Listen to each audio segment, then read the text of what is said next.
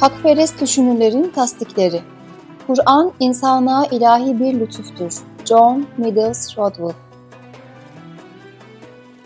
Kur'an'ın ilahi kudret, ilim, inayet ve vahdaniyet gibi sıfatlara atıfta bulunarak takdim ettiği uluhiyet tasavvuru takdire şayandır. Semavat ve arzın misilsiz ilahına iman ve tevekkül çok derin ve coşku doludur. Kur'an, engin bir ahlaki ciddiyet ile harikulade ve veciz bir hikmet barındırır. Muhtevasında yer alan unsurlar yardımıyla güçlü milletler ve devletler kurulabilir. 6. asırda kurak bir yarımadanın cahil ve fakir sakinleri Kur'an sayesinde yeni bir inancın hararetli ve samimi taraftarları olmakla kalmayıp itikatlarını can siperhane savunmuşlardır.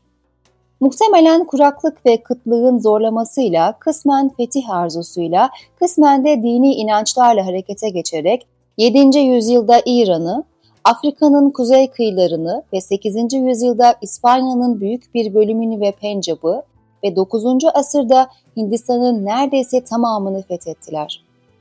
Kur'an sayesinde Arabistan'ın basit çobanları ve gezgin bedevileri harikulade bir tarzda devletler, şehirler ve kütüphaneler kurdular.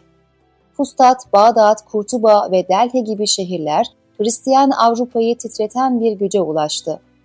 Kur'an, putperestliği imha, tevhid akidesini tesis, batıl şeylere ibadeti ilga, çocukları diri diri gömmek gibi vahşi adetleri izale, bütün hurafeleri iptal ettiği ve çok eşliliği sınırladığı için bütün Araplar için ilahi bir lütuf ve nimet olmuştur.